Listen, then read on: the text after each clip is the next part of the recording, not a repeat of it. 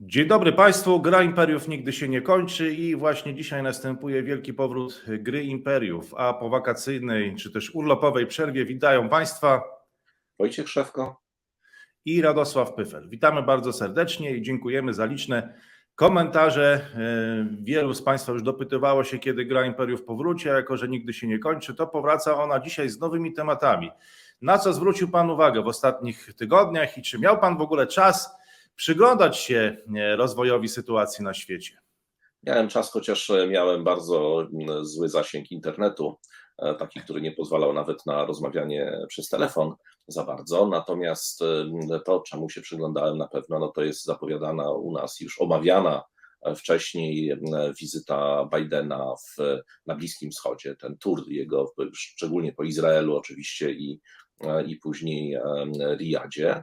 E, a później wizyta e, Putina i Erdogana w Teheranie. Zresztą będzie ciąg dalszy, bo za chwilę Erdogan będzie jeszcze w Soczi e, u Putina w ciągu kilku najbliższych dni się pojawi. Te wizyty są ze sobą poniekąd powiązane, natomiast pokazują, jak ważnym miejscem w tej chwili dla współczesnej polityki międzynarodowej jest Bliski Wschód. Znaczy, jeżeli gdybyśmy jakąkolwiek, jakikolwiek aspekt polityki w tej chwili europejskiej, amerykańskiej, energetycznej, czy nawet samej wojny na Ukrainie, gdzieś zaczęli śledzić dokładnie, to za każdym razem gdzieś pojawiłby nam się ten wątek bliskowschodni. No również ze względu na to, że jednak jest to jedno z największych źródeł z jednej strony konfliktów, z drugiej strony surowców e, energetycznych. No rzeczywiście ta bliskowschodnia szachownica dzisiaj jest e, bardzo ważna. Ja z kolei chciałbym mówić o tej wielkiej szachownicy, czyli rywalizacji e, amerykańsko-chińskiej, która jest rywalizacją wielopłaszczyznową. Mam wrażenie, że ona toczy się e, nie tylko w obszarze jakby technologii, handlu, dyplomacji oczywiście też. Ona się rozlewa na kolejne obszary.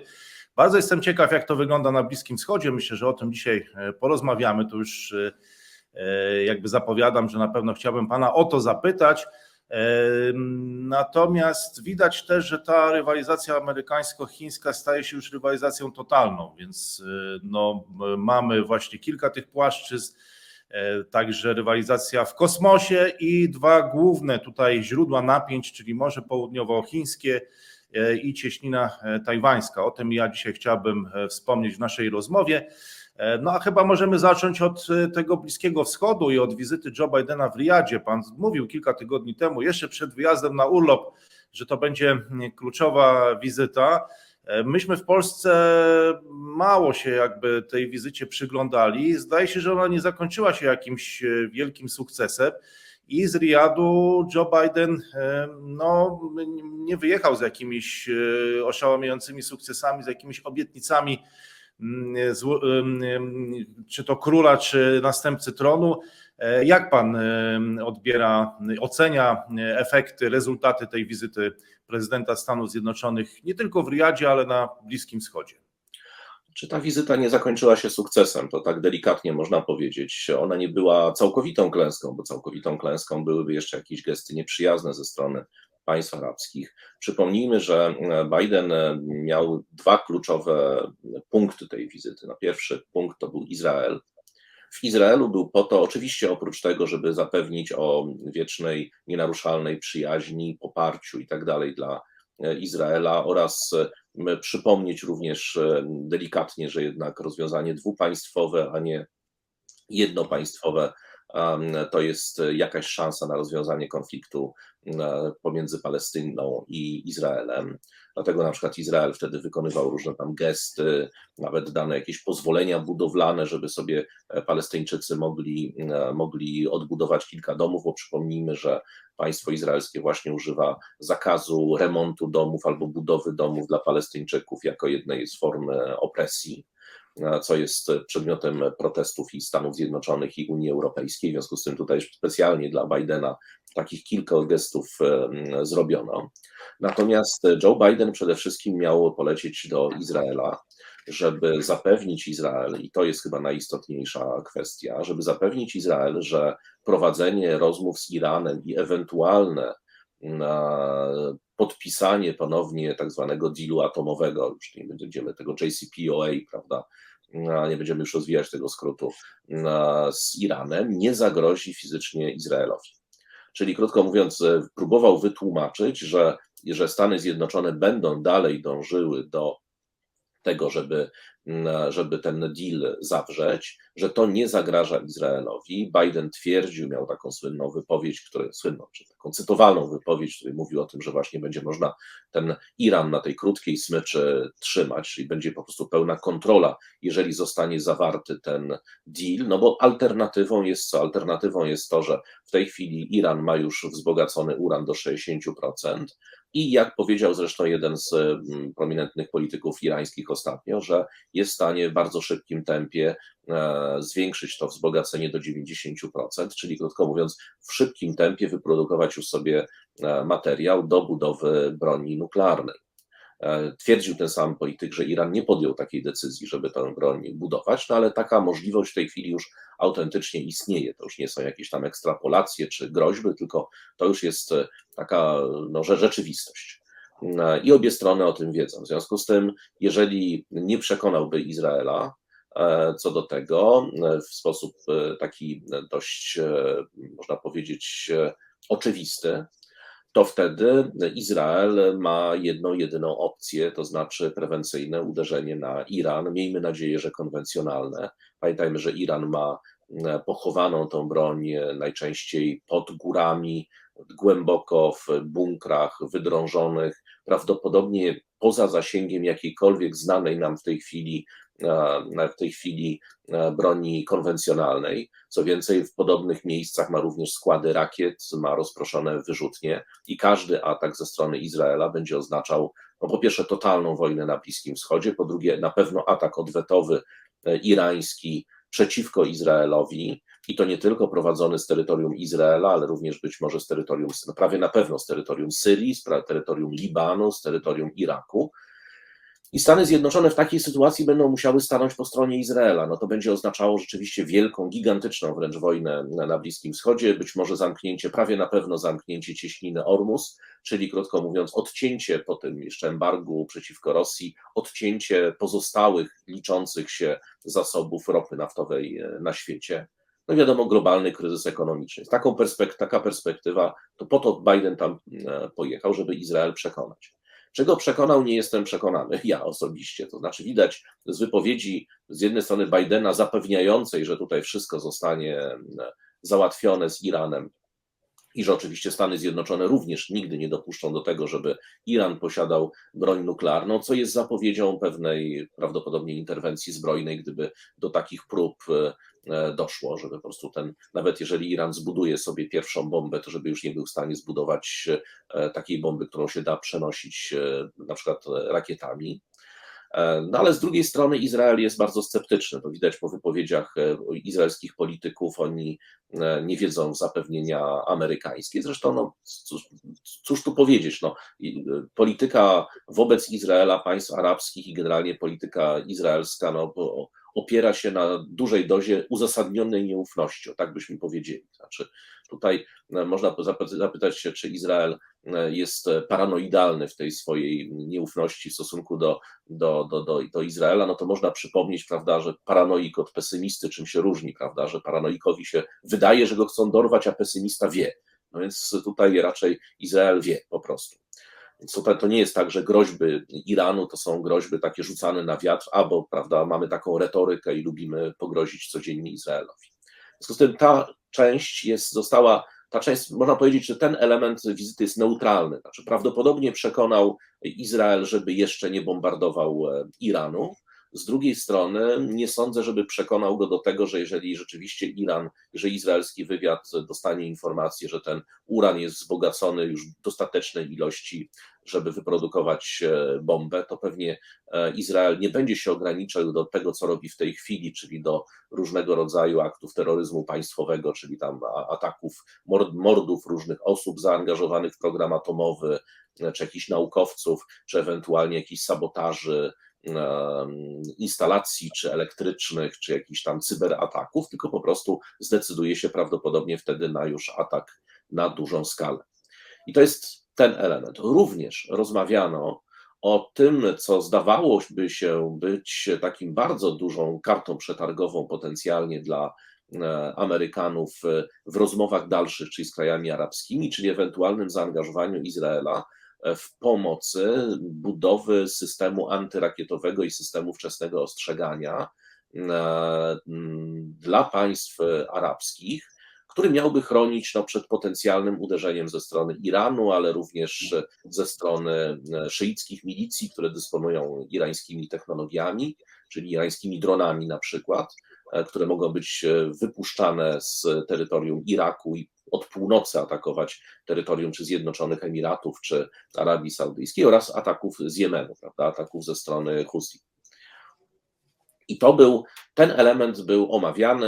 E, jeśli chodzi o tą współpracę zbrojeniową, to ona się rozwija, będzie rozwijała. Tam pokazywano również broń laserową e, i o, i o tym rozmawiano, o systemach antyrakietowych już laserowych, które byłyby tańsze i bardziej efektywne niż żelazna kopuła, gdzie przecież tą rakietę za 15 dolarów e, robioną z rury kanalizacyjnej. Zestrzeliwują rakiety za kilkadziesiąt, jeśli nie kilkaset tysięcy dolarów, więc tutaj chodzi o to, żeby, żeby ten proces był dużo bardziej ekonomiczny, więc takie testy Izrael już zapowiedział, że, że prowadzi. I tam jakieś elementy współpracy z amerykańskimi firmami zostały ogłoszone. To jest jakby ta część izraelska. W związku z tym można powiedzieć, że ona jest e, neutralna ze wskazaniem na Bidena, czyli na razie na razie wojny z tego punktu widzenia, mm, czy z tego kierunku nie będzie, ale, ale potem Biden pole, poleciał do Riyadu.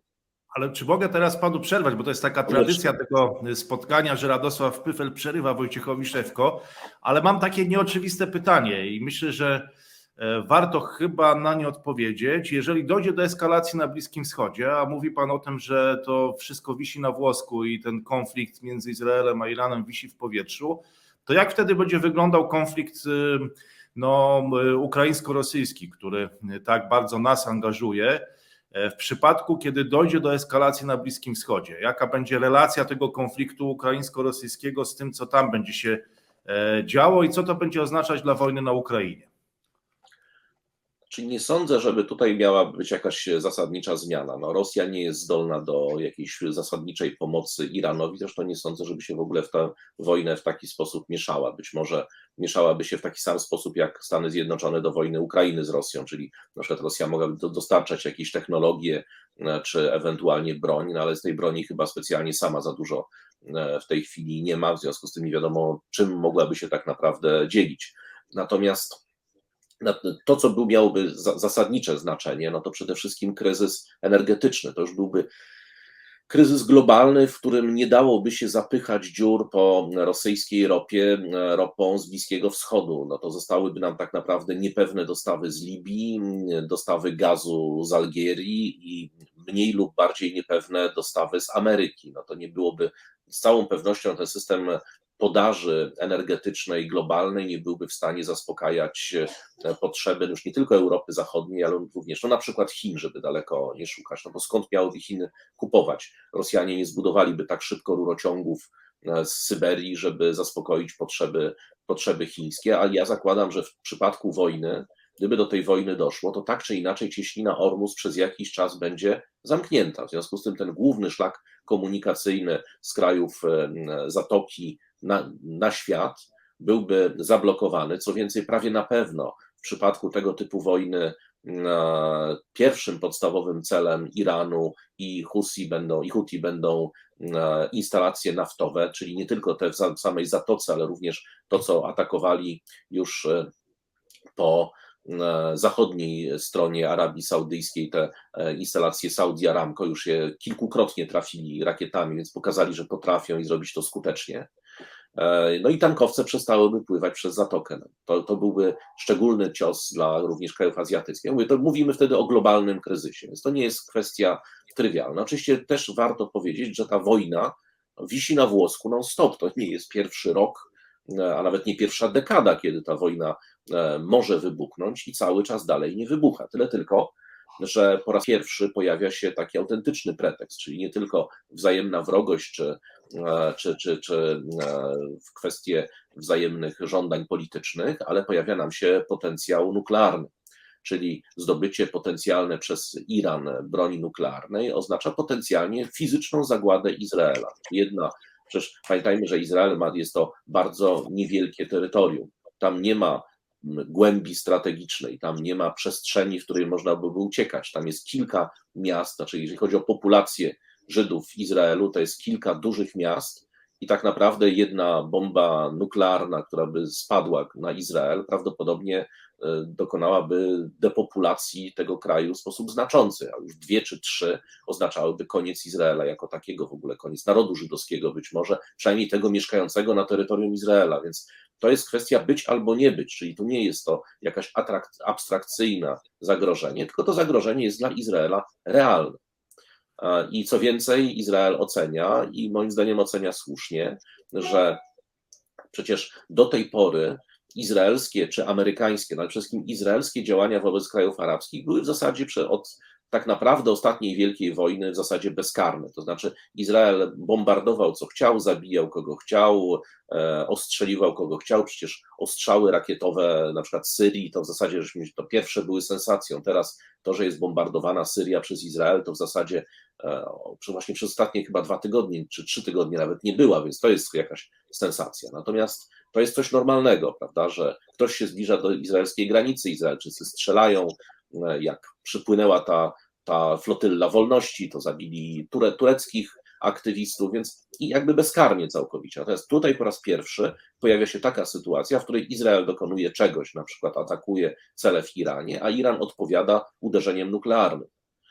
No, z tego, co Pan mówi, to, to, to możliwa jest eskalacja dużo większa niż w przypadku konfliktu e, ukraińskiego, bo. O tak, zdecydowanie, bo tutaj jest tym bardziej, że tutaj. Stawka jest dużo większa chyba nawet. Tak, tym bardziej, że tym bardziej, że co prawda spekuluje się na temat możliwości użycia przez Rosję broni nuklearnej, ale moim zdaniem to są czcze spekulacje.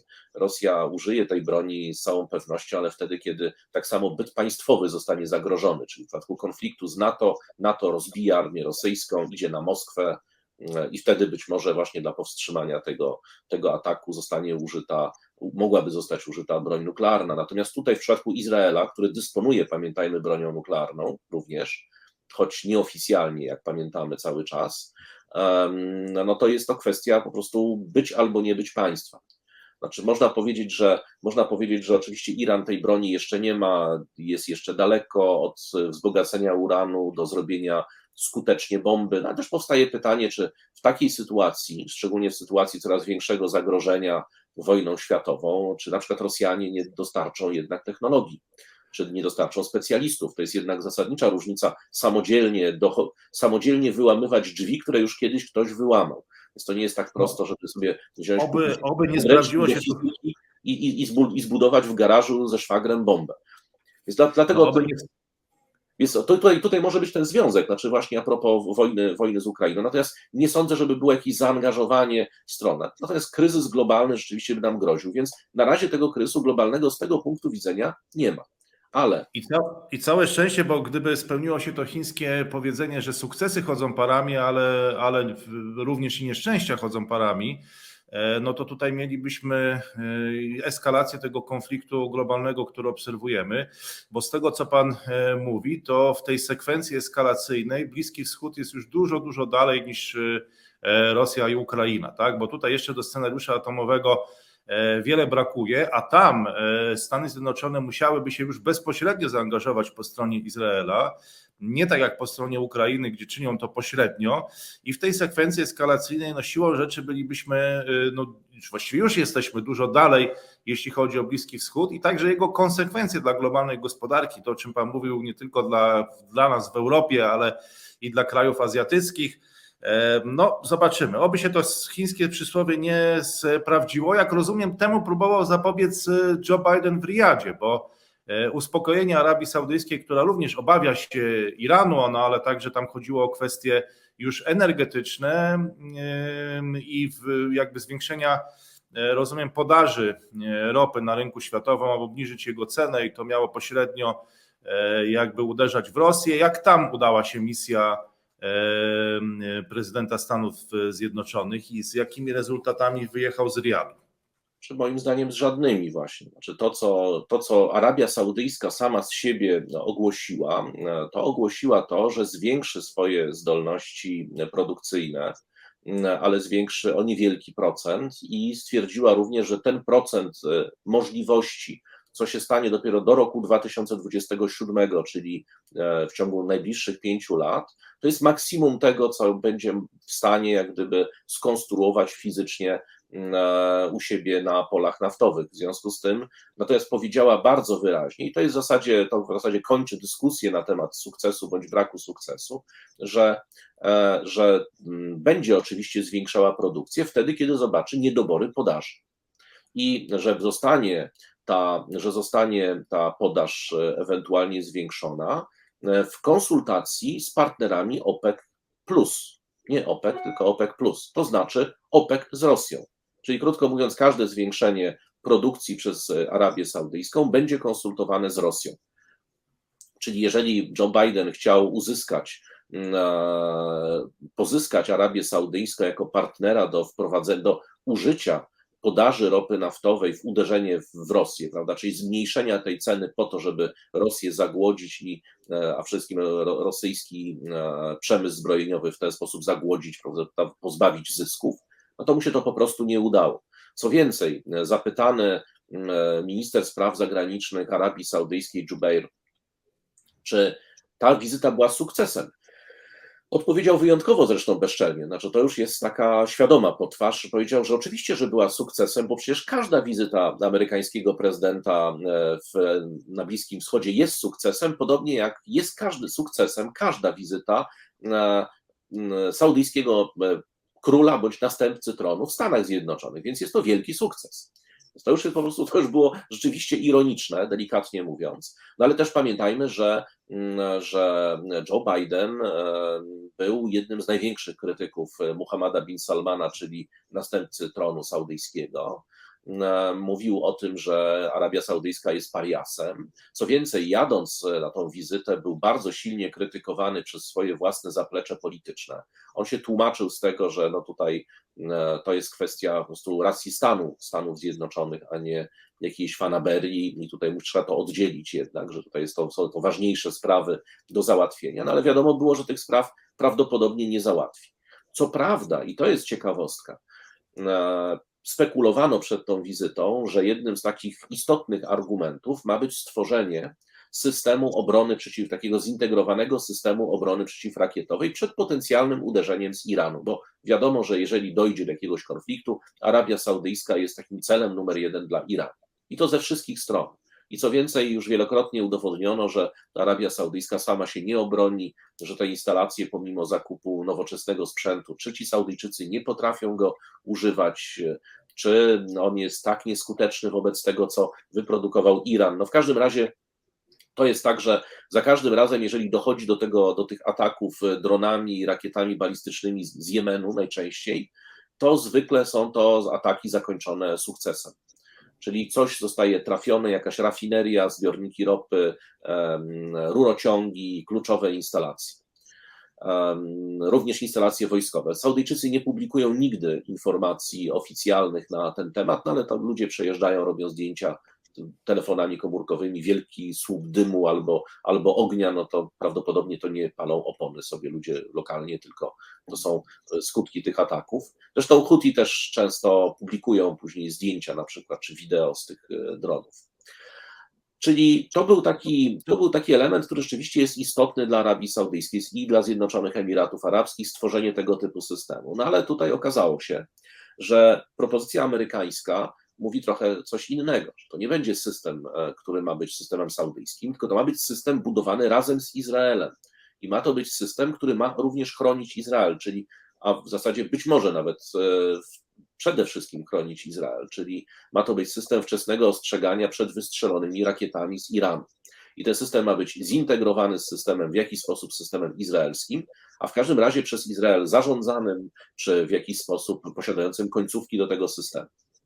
O ile Zjednoczone Emiraty Arabskie mogą mieć z tym trochę mniejszy problem, no ale to też są Emiraty mało ludne, powiedzmy sobie szczerze, jeśli chodzi o obywateli przynajmniej Emiratów, łatwiejsze do zarządzania. To pamiętamy arabską wiosnę, prawda? Tutaj było akurat najmniej problemów w Emiratach Arabskich ze wszystkich krajów arabskich.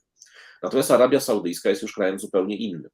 I tutaj po raz kolejny został, to był kolejny policzek dla Amerykanów, właśnie dla Bidena. Znaczy, o ile oczywiście liczył na to, że Saudyjczycy się na to złapią, oni powiedzieli bardzo wyraźnie, że dla nas kwestia normalizacji stosunków z Izraelem jest jak najbardziej możliwa. Po tym, kiedy Izrael uzna państwo palestyńskie ze stolicą we wschodniej Jerozolimie, i tutaj nie ma żadnego odstępstwa od, tego, od tej reguły, i że normalizacja stosunków, jak ładnie powiedział Jubeir, ma być ukoronowaniem tego procesu, a nie początkiem tego procesu. Czyli nie ma mowy o żadnej współpracy saudyjsko-izraelskiej, o żadnym wspólnym systemie ostrzegania, i gdyby Amerykanie zaproponowali, że jest to system amerykańsko-saudyjski, prawdopodobnie Saudyjczycy by podeszli do tego z pewnym entuzjazmem. I być może byłoby również przestrzeń do rozmów poważniejszych na temat chociażby kwestii ropy. Natomiast jeżeli to miało, miałoby, czyli jeżeli ten e, projekt miał oznaczać e, kontynuację trochę tej polityki Trumpa, no to wiadomo, że Saudyjczycy sobie na to nie pozwolą, bo e, im jest niepotrzebna rewolucja we własnym kraju, tym bardziej, że ta rewolucja prawie na pewno zniosłaby już na stałe i na wieki dynastię Saudów, więc to jest też nie do przyjęcia pomysł. Więc ten pomysł też nie został zrealizowany. Są co prawda rozmowy prowadzone na temat sprzedaży radarów izraelskich e, dla Zjednoczonych Emiratów Arabskich, no ale to nie Zjednoczone Emiraty Arabskie w tym przypadku, tylko Arabia Saudyjska była tym kluczowym celem wizyty. W związku z tym tutaj sukcesu też nie ma. Czyli reasumując, jedynym sukcesem jest oczywiście to, że państwa zapewniły się o swojej strategicznej przyjaźni. Tutaj nie było jakichś gestów nieprzyjaznych, przynajmniej nie było takich deklarowanych publicznie, ale stanowisko Arabii Saudyjskiej zostało bardzo wyraźnie wyklarowane. Arabia Saudyjska nie będzie w żaden sposób wasalem Stanów Zjednoczonych, nie będzie brała udziału w awanturach politycznych amerykańskich znaczy w jakichkolwiek, prawda, w tej chwili. To jest też ciekawy zwrot, bo przecież wtedy kiedyś brała bardzo chętnie e, w różnego rodzaju e, przygodach amerykańskich na Bliskim Wschodzie i nie będzie absolutnie tutaj podporządkowywała swoich interesów ani no, znaczy interesowi Stanów Zjednoczonych rozumianego, rozumianemu jako interes izraelski, czy też interes e, rywalizacji, czy wojny z Rosją co jest bardzo poważną no, już rysą na tym sojuszu saudyjsko-amerykańskim. Oczywiście strony deklarują przyjaźń, natomiast tej przyjaźni z całą pewnością już nie ma. A jeżeli to, to w specyficzny sposób definiowana, czyli to przesunięcie Arabii Saudyjskiej w kierunku właśnie być może Chin, być może Rosji, jest faktem. Przy czym to nie jest znowu chęć uniezależnienia się od jednego hegemona na korzyść drugiego, ale Arabia Saudyjska z całą pewnością z tej e, zachodniej hemisfery wpływów e, wychodzi w coraz większym stopniu. Zresztą, tak prawdę powiedziawszy, również przynajmniej patrząc się na deklaracje różne ostatnie izraelskie, to również trochę częściowo Izrael, przynajmniej w kontekście rosyjskim, czyli tym konfliktu Stany Zjednoczone, e, Rosja. No i tutaj mamy jeśli już mówimy o, no, jeżeli już mówimy o za, za, to, znaczy jakie mogą być tego konsekwencje, no to chyba są, konsekwencje są jasne, czyli na rynku ropy naftowej wiele się nie zmieni, ale z drugiej strony to również daje carte blanche mm, e, Stanom Zjednoczonym do intensyfikacji rozmów z Iranem. Czyli krótko mówiąc, mogą, mogą Stany Zjednoczone już nie zwracać uwagi na swojego sojusznika, czyli Arabię Saudyjską, bo to jest tak zwany frenemy, jak to ładnie się nazywa, friend enemy dla Amerykanów i tutaj sentymentów nie będzie. Co zresztą Iran dostrzegł bardzo wyraźnie, ponieważ ostatnie żądania irańskie w Wiedniu to jest przekreślenie w dużej mierze tego całego procesu, tych wszystkich tam, tego całego procesu, można powiedzieć, normalizacyjnego. Ja tylko w skrócie powiem, o co chodzi z tym procesem. Znaczy, chodzi o to, że e, tam wypracowywano mechanizm odchodzenia od sankcji z jednej strony, a z drugiej strony odchodzenia od tego programu nuklearnego.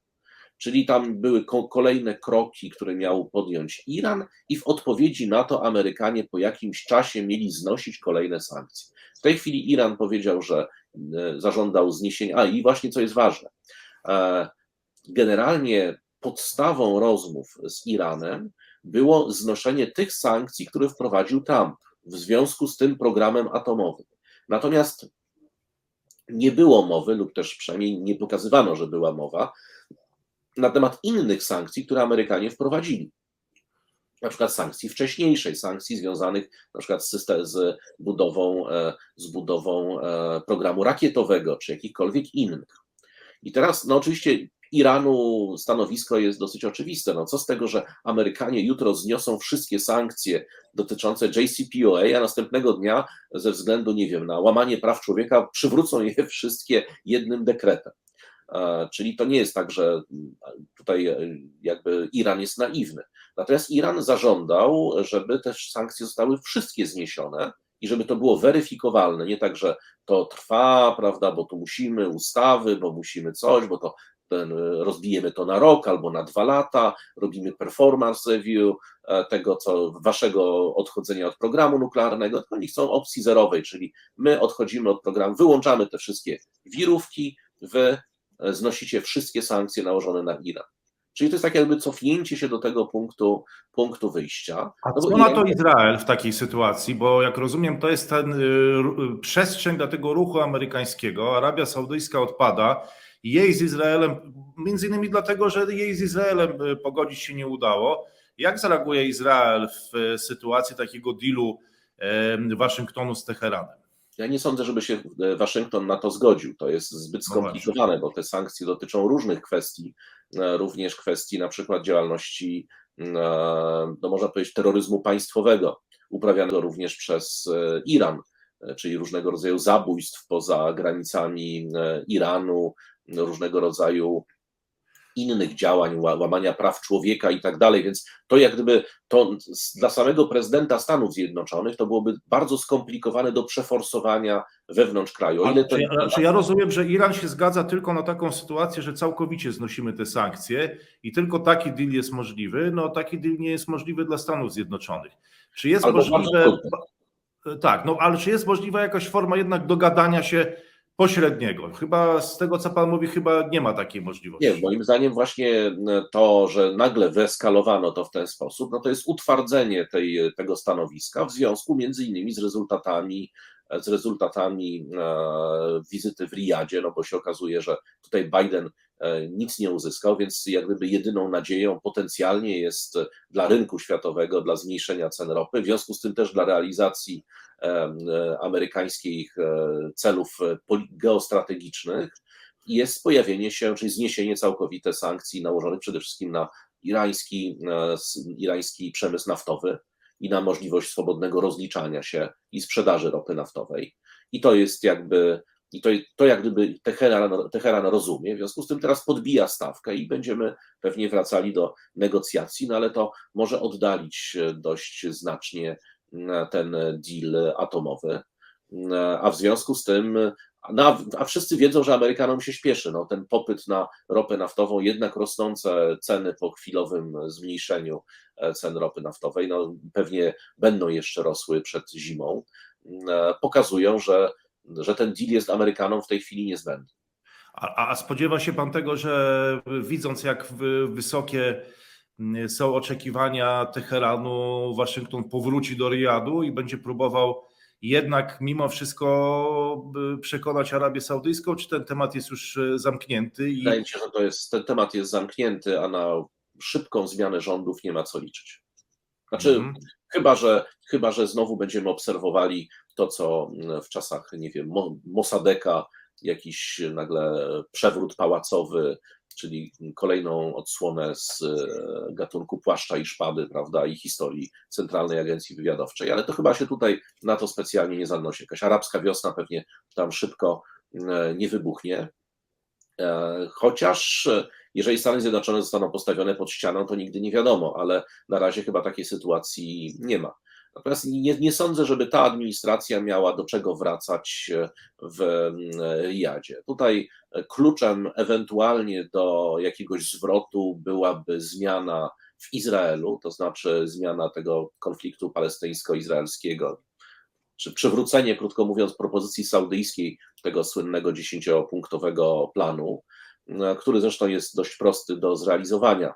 Natomiast jest niemożliwy do zrealizowania w Izraelu. Znaczy w Izraelu, ze względu na to, że przecież ten rząd, który rządzi, to jest rząd mniejszościowy w tej chwili, chociaż o tej godzinie, trzeba sprawdzać o której godzinie, bo o tej godzinie już może być znowu większościowy albo znowu mniejszościowy, to niestety, jeżeli ktoś pamięta żywot Briana, prawda, i ten Judeans People Front, prawda, i Front of the Liberation of Judea, to mniej więcej tak wygląda scena polityczna w Izraelu. W związku z tym tam e, Izrael po prostu jest, rząd jest zakładnikiem partii, które mają jedną osobę. I to są partie, które mają w sumie chyba tam cztery Ale osoby. zdarza się to w niektórych krajach, taka więc- sytuacja. Słucham? Zdarza się to też w niektórych krajach taka sytuacja, żeby No ale to rzadko, jednak w innych krajach rzadziej. Tutaj mamy ten kryzys permanentny i to jest po prostu tak, że taki rząd w związku z tym nie może sobie pozwolić na żadne śmiałe posunięcie, a już szczególnie w kwestii tak strategicznej, e, jak relacje z Palestyńczykami. No proszę pamiętać, co to znaczy, co to znaczy pokój z Palestyną? To znaczy, w takim najbardziej telegraficznym skrócie, to oznacza e, wycofanie setek tysięcy już w tej chwili, czy tam dziesiątek tysięcy, chyba, no już nie, nie nawet chyba będzie po- ponad 100 tysięcy, osadników, którzy w tej chwili zostali nielegalnie osadzeni na terytoriach, na ziemiach palestyńskich, wycofanie ich, czyli zbudowanie dla nich nowych osiedli. To są przecież wyborcy, którzy głosują. W związku z tym, e, już z tego punktu widzenia, żaden rząd nie jest w stanie sobie pozwolić na utratę tych głosów, a być może byłoby tego więcej. Po drugie, zgodę na być może odszkodowania dla Palestyńczyków za zabór mienia, bo przecież pamiętajmy, że Palestyńczycy byli po prostu w nocy, o północy wyrzucani ze swoich domów i to, ta, w czasie tej tak zwanej nagby i późniejszych i po późniejszych wojnach. W związku z tym albo byli wywłaszczani sądem izraelskim z pominięciem jakichkolwiek praw e, człowieka, nieuznawania e, również e, aktów własności jordańskich jeszcze, czy jakichkolwiek innych. Więc to jest, to jest tego typu historia.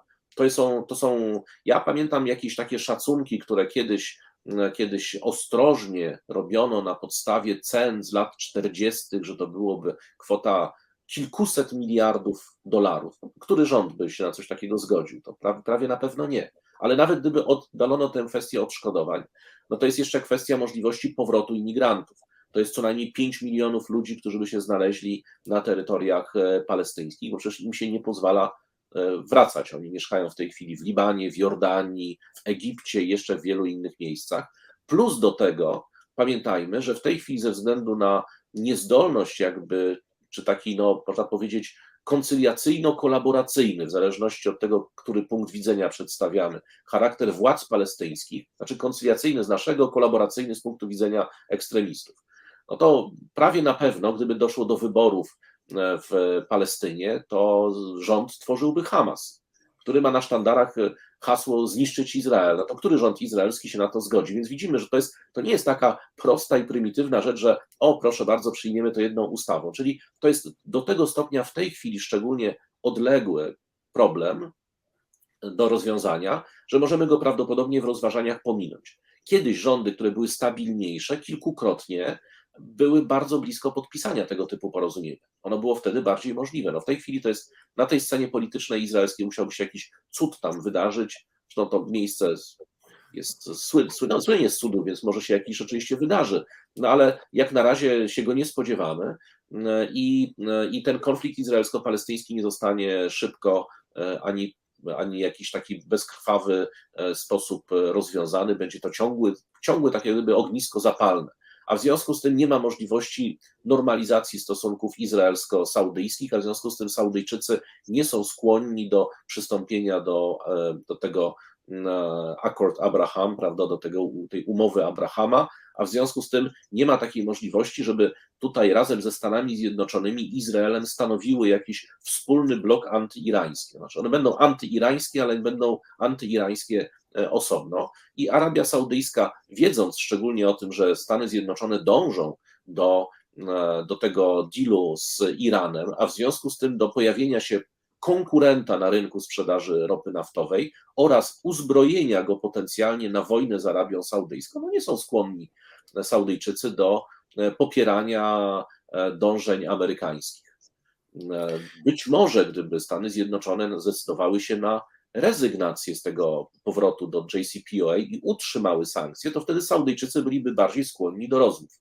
Tyle tylko, że popatrzmy, jeżeli to, ja wiem, że być może trochę komplikuje, ale jeżeli, okej, okay, Amerykanie odchodzą od rozmów z Iranem, przychodzą do Riyadu, mówią, dobrze, blokujemy Iran, wprowadzamy jeszcze cięższe sankcje, zagłudzimy ten kraj, zdławimy go, abstrahując od tego, że przecież ten kraj ciągle może handlować na przykład z Rosją, ma z nią jakby nie było możliwość handlu i wspólną granicę, może przez Morze Kaspijskie na przykład sobie przesyłać towary, więc tutaj nie ma z tym problemu. No ale dobrze, załóżmy, że tak robimy. To Iran mówi, dobrze, to my budujemy bombę. No to Izrael atakuje Iran, więc mamy powrót do tego, o czym mówiliśmy wcześniej. Więc z tego punktu widzenia to nie jest, znaczy gdyby ta łamigłówka była łatwa do, do rozwiązania, no to by ją rozwiązano. To nie jest kwestia tego, że ktoś tego bardzo nie chce zrobić. Albo musiałby się pojawić jakiś przywódca, który, tak jak na przykład w Arabii Saudyjskiej, gdyby Muhammad bin Salman był innym typem przywódcy niż jest, no to on rzeczywiście dysponując władzą absolutną, bo przecież pamiętajmy, że on wsadził do więzienia chyba już wszystkich możliwych swoich potencjalnych przeciwników albo rywali, on byłby w stanie tego typu działania śmiałe przeprowadzić, ale on nie chce, bo z całą pewnością nie ma zamiaru być marionetką amerykańską. On chce, żeby Arabia Saudyjska była mocarstwem co najmniej regionalnym, bo ma do tego e, potencjał, a poza tym nie lubi Bidena, zresztą z dużą wzajemnością. No to jest w ogóle niezwykle ciekawa e, rozgrywka i chyba bardzo trudna sytuacja dla Amerykanów, bo z tego, co Pan mówi, wynika, że już chyba tylko pojawienie się jakiegoś proamerykańskiego proroka w regionie Bliskiego Wschodu, jakiegoś rzeczywiście cudu mogłoby tą łamigłówkę rozwiązać, no bo z jednej strony mamy Izrael, gdzie jest dynamiczna sytuacja i wszystko to wisi pewnie na jakimś izraelskim Pawle Kukizie albo jakimś takim jego izraelskim odpowiedniku. Z drugiej strony mamy Iran, który stawia żądania nie do spełnienia dla Stanów Zjednoczonych i to pole manewru amerykańskie jest właściwie no już bardzo ograniczone. To rzeczywiście to już musiałby się wydarzyć jakiś cud w postaci jakiejś, no ktoś musiałby się pojawić taki, kto całkowicie zmieniłby sytuację w regionie i stworzył przez to nowe scenariusze czy nowe warianty. A pechowo składa się to dla Waszyngtonu i dla w ogóle Imperium Amerykańskiego, dlatego że przeglądając codzienne doniesienia ze świata, no widzimy, że postępuje ta rywalizacja amerykańsko-chińska, że jest ona totalna, wielopłaszczyznowa i właściwie czytając jakiekolwiek dzisiaj doniesienia ze świata, no to łatwo możemy wpisać je w logikę tej rywalizacji. Rywalizacji totalnej czy wielopłaszczyznowej, dlatego, że jeżeli na przykład obserwujemy Tutaj już przechodząc tak do tego nowego tematu rywalizacji amerykańsko-chińskiej, chociaż nie pozostawiając tych wątków bliskowschodnich. Dlaczego? Bo chociażby ostatnio widziałem wizytę, obserwowałem wizytę Janet Yellen, amerykańskiej sekretarz do spraw skarbu i ona prowadzi tą rywalizację handlową z Chinami. Co ciekawe, Amerykanie odstąpili od kilku sankcji nałożonych jeszcze przez Donalda Trumpa, uznając pragmatycznie, że działają one bardziej na niekorzyść Stanów Zjednoczonych niż Chin. No ale Janet Yellen udała się do Korei Południowej i tam mówiła o tym, że musimy zrobić wszystko, aby takie kraje jak Chiny w relacjach handlowych nie używały geopolitycznej dźwigni. Natomiast co ciekawe, Amerykanie próbują zmontować taki sojusz, pogodzić jakby Koreę Południową i Japonię. I to również nie do końca wychodzi. Co prawda, chyba jest to jednak łatwiejsze niż pogodzenie Arabii Saudyjskiej z Izraelem. No nie mówiąc już o pogodzeniu wszystkich pozostałych z Iranem. No ale jednak jest to, jednak jest to również dosyć, dosyć trudne. Nawet jeżeli mówimy o, nowe, o, nowych technologiach dzisiaj i cokolwiek konstruują nowego Chińczycy, czy to swoją stację kosmiczną, czyli rozbudowują infrastrukturę w kosmosie, czy to nowe pojazdy autonomiczne, które pojawiają się w Pekinie, no to zawsze jest to jednak oceniane, czy to jest jakaś nowa broń, czy to zagrozi Stanom Zjednoczonym. Tutaj rywalizacja również trwa na całego. Co ciekawe, my wiele uwagi poświęcamy światu pozaeuropejskiemu. E, I mamy program G7 stworzony przez no, Joe Bidena, już właściwie on pojawił się w zeszłym roku jako Build Back Better World. W tym roku zmieniono jego nazwę, to ma być kilkaset miliardów dolarów przeznaczonych na inwestycje infrastrukturalne w świecie pozaeuropejskim. I teraz w grudniu Waszyngton szykuje szczyt afrykański. Zobaczymy jeszcze, jaki będzie skład tego szczytu i kto pojawi się tam z Afryki. No i przede wszystkim też, jak zareagują e, zachodni Europejczycy na taką próbę balansowania chińskiej koncepcji pasa i szlaku właśnie w Afryce. Więc to też jest e, taki przejaw tej wielo, wielopłaszczyznowej rywalizacji. Co ciekawe, Chińczycy wchodzą również w tradycyjną domenę amerykańską, ostatnio Urugwaj, czyli no kraj, który wpisuje się w doktrynę Monroe, mówiącą o tym, że e, no ta zachodnia hemisfera jest e, obszarem oddziaływania Stanów Zjednoczonych i jest wyłącznym jakby dominium amerykańskim. Urugwaj zadeklarował, że chce podpisać umowę o wolnym handlu e, z Chinami. No, na to zareagowali partnerzy z Mercosur, czyli Paragwaj, Argentyna i Brazylia, że tego typu E, umowy powinny być negocjowane blokowo. To jest to, co obserwujemy również na Wyspach Pacyfiku, gdzie e, trwała ta dysputa, czy każdy z krajów powinien się układać z Chinami e, jakby bilateralnie, indywidualnie, czy też poprzez no, wielos, taki grupowy układ. I podobny dylemat zaczyna teraz gdzieś pojawiać się właśnie w Ameryce Południowej. E, no i co ciekawe, mamy oczywiście dwa główne e, zarzewia konfliktu, e, czy dwa główne mm, obszary takie eskalacyjne, pełne napięć, to jest Morze Południowochińskie i Tajwan. Jeśli chodzi o Tajwan, i czy też o tajwańską, tutaj będąc bardziej precyzyjnym, to szykuje nam się wizyta speakerki, czy przewodniczącej amerykańskiego kongresu Nancy Pelosi, która ogłosiła, że w sierpniu pojawi się na Tajwanie. I tu już e, ostrożnie na ten temat zaczął wypowiadać się sam prezydent Joe Biden, który mówił, że może to nie jest e, najlepszy pomysł. No problem z wypowiedziami Joe Bidena, szczególnie tymi dotyczącymi Tajwanu, polega na tym, że e, bardzo często są one dementowane przez Biały Dom już tego samego albo następnego dnia, więc dziennikarze zadają pytanie w stylu, czy będziecie bronić Tajwanu i Joe Biden odpowiada jest E, po czym e, jakby dział prasowy Białego Domu to dementuje. Mówi, no, że miał na myśli. Tak. Przepraszam? To że, mają... jest, miał na myśli no, tak. Mhm. E, no, że to jednak nie do końca może właśnie jest takie. Jednoznaczne jest, że tak jak Eskimosi mają 37 określeń na słowo śnieg, to także słowo jest, ma różnych 37, być może, a może nawet i więcej odcieni.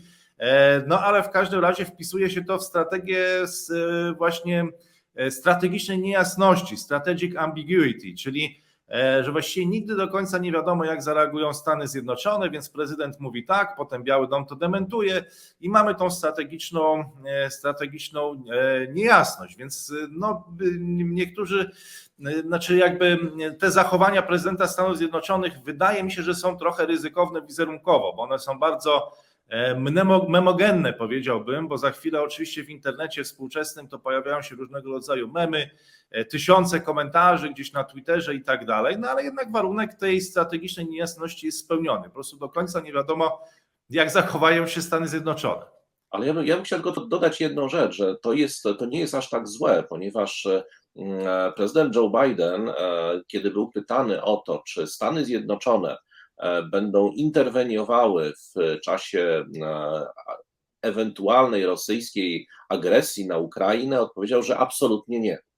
I wskazuje się, że właśnie ta jednoznaczność z jego strony była e, tym, tym momentem zachęcającym Rosję do rozpoczęcia inwazji, ponieważ gdyby pozostawił to jakimś kwestiom spekulacji, to wtedy prawdopodobnie Rosja by się zawahała, bo nie wiedziałaby w sposób oczywisty, czy Amerykanie nie zaangażują się w ten konflikt, czyli czy atakując na Ukrainę, krótko mówiąc, rozpoczną czy nie rozpoczną trzecią wojnę światową. Więc e, jeżeli tutaj Biden mówi, że będzie bronił lub nie będzie bronił, czyli pozostawia to domysłowi, to również strategzy e, chińscy no, muszą brać pod uwagę to, że w przypadku takiej inwazji nie wiadomo, jak zachowają się Stany Zjednoczone, a ich ignorować powiedzmy nie można, jeśli chodzi o ten konflikt, no bo amerykańskie zaangażowanie się po stronie Tajwanu abstrahując od e, rozmiaru tego konfliktu, prawie, prawie na pewno uniemożliwiłoby skuteczną inwazję.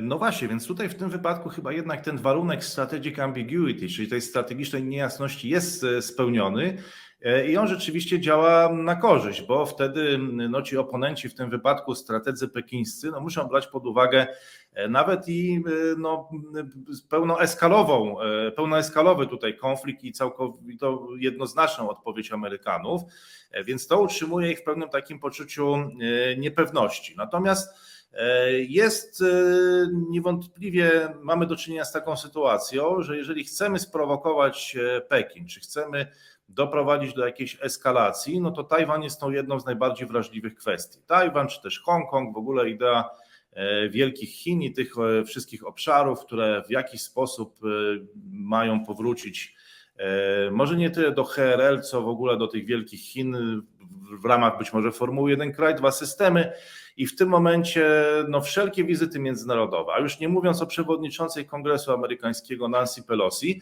pozwalają Tajwanowi wychodzić z izolacji międzynarodowej.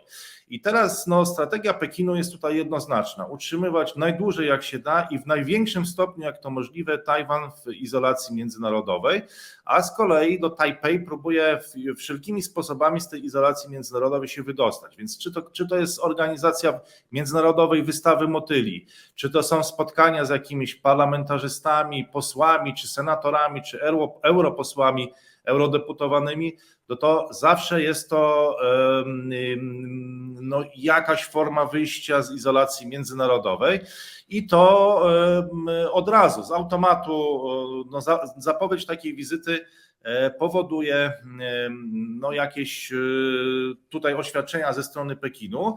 No i pytanie, czy ta sytuacja będzie eskalować. W ostatnich dniach no, mamy do czynienia z całym wysypem e, materiałów, E, o naruszaniu przestrzeni powietrznej. No problem tylko polega na tym, że Tajwan e, no uznaje garstka krajów e, w Ameryce Łacińskiej i w Afryce, w tym chyba największy kraj to Paragwaj i Watykan. W sumie no Watykan może nie jest wielkim krajem terytorialnie, ale jednak wpływowym politycznie. I to są kraje, które uznają Republikę Chińską na Tajwanie. Więc formalnie ta granica w ogóle nie istnieje między, między Tajwanem a kontynentem. Jest to tylko granica między E, prowincją e, Tajwan, a, e, a prowincją Fujian. Zresztą historycznie Tajwan był częścią tej prowincji Fujian kiedyś, kilkaset lat temu. Dopiero od XIX wieku stał się, stał się odrębną prowincją w ramach cesarstwa Qing. No i cały czas mamy do czynienia z taką wojną nerwów. Jest to co prawda region świata, w którym ludzie są wychowywani do tego, żeby utrzymywać nerwy na wodzy, E, i pewnie są też specjalnie szkoleni do tego, żeby guzik e, jakiś, e, ten guzik jakby rozpoczynający tą eskalację nacisnąć najpóźniej jak się da, no ale cały czas latają tam te samoloty z jednej i z drugiej strony, pływają różnego rodzaju statki, które przekraczają niby tą granicę terytorialną, E, także na Morzu Południowochińskim, głównie tam to już jest w ogóle całkowite zamieszanie. No i to powoduje to, że oprócz tego Bliskiego Wschodu, o którym Pan mówił, i tych napiętych relacji Izrael-Iran, gdzie też jesteśmy już bardzo daleko w tej sekwencji eskalacyjnej, e, tutaj również mamy paradoksalnie do czynienia z podobną sytuacją.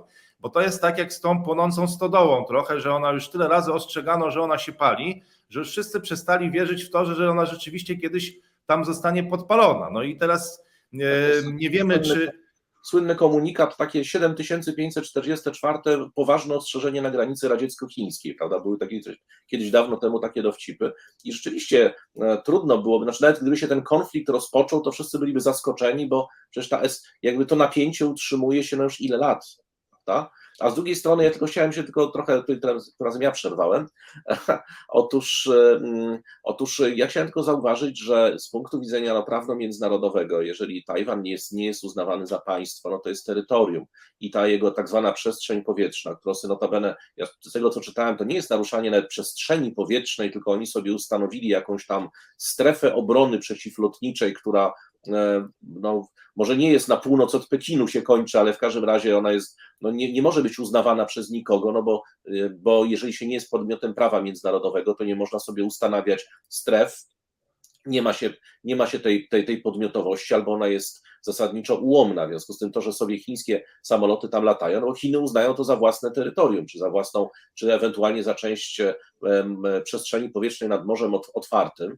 Mm, I oni właśnie specjalnie, to znaczy robią dokładnie to samo, co Amerykanie na Morzu Południowochińskim, czyli o ile Amerykanie e, Pamiętajmy, że nie są stroną UNCLOS-u, ale e, uznają e, prawo do wolności mórz, a w związku z tym swobody przepływu za podstawowe, podstawę prawa międzynarodowego, więc sobie pływają specjalnie zresztą drażniąc Chińczyków na Morzu Południowochińskim, również wokół tych różnego rodzaju wysp, które tam zostały pobudowane przez, czy też e, nawet nie pobudowane, tylko ocalone przed zatonięciem o w ten sposób przez Chińczyków, a z drugiej strony Chińczycy latają nad przestrzenią, której no, Tajwan tak czy inaczej nie miał prawa, nie miał prawa ustanowić, bo gdyby rzeczywiście było tak, że znaczna część krajów, e, Organizacji Narodów Zjednoczonych chociażby, e, uznałaby Tajwan jako państwo, jako byt niepodległy, Tajwan byłby lub nie byłby członkiem ONZ-u. To jest zupełnie inna sytuacja. Mamy wtedy, natomiast w tej chwili no, mamy do czynienia z sytuacją nieco kuriozalną, bo z jednej strony uznaje się, no właśnie, jako, jakiś Tajwan jako byt, ale byt nie będący państwem. No to jeżeli nie jest państwem, to jest terytorium. No to jest terytorium czyim tak naprawdę. W związku z tym, i o ile nie dziwne, znaczy, gdyby e, no, państwa Ameryki Południowej, na przykład te, które uznają Tajwan, mają prawo protestować, bo uznają go jako państwo, ale wszystkie inne nie do, nie do końca tak naprawdę ten status prawno-międzynarodowy, czy on jest absolutnie w zawieszeniu, co zresztą nie służy rozwiązaniu tego konfliktu. Nancy Pelosi leci tam chociażby po to, żeby przypominać, bo pamiętajmy, no Biden jest krytykowany przez swoje własne zaplecze, co innego obiecywał w czasie kampanii wyborczej, zupełnie coś innego realizuje, przynajmniej w kwestiach polityki zagranicznej. W związku z tym ona tam leci przypomnieć, że demokraci są jak najbardziej za uznawaniem Tajwanu. No z drugiej strony oczywiście prezydent Stanów Zjednoczonych, nie, nie chcąc zrywać stosunków dyplomatycznych z Chinami, bo do tego by się sprowadziło uznanie Tajwanu, no musi robić wszystko, żeby pomniejszać e, rangę takiej wizyty albo starać się jej zapobiegać, co jest oczywiście niemożliwe, no bo przecież on nie ma takiej możliwości, żeby szefowej kongresu e, i jeszcze liderce partii demokratycznej zabronić tego typu działań. Więc to jest takie, ta, ta sytuacja, taka powiedzmy takiej absolutnej nie, niepewności, ona nie wynika li tylko i wyłącznie z jakiejś złej woli strony, ale również z tego powodu, że nie ma tutaj nikogo odważnego, kto by powiedział, dobrze, Tajwan jest, e, jest po prostu terytorium, i jest terytorium chińskim, jest sprawą Chin rozwiązanie kwestii Tajwanu, albo nie powiedział, OK, Tajwan jest państwem niepodległym, uznajemy niepodległość tego państwa ze wszystkimi tego konsekwencjami.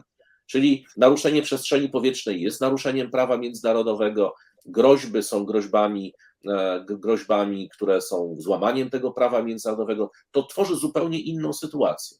I proszę zobaczyć, że tak naprawdę tych państw, które albo uznają, że nie mają nic do stracenia w relacjach z Chinami, albo takich, które są szaleńczo odważne, jest bardzo, bardzo mało.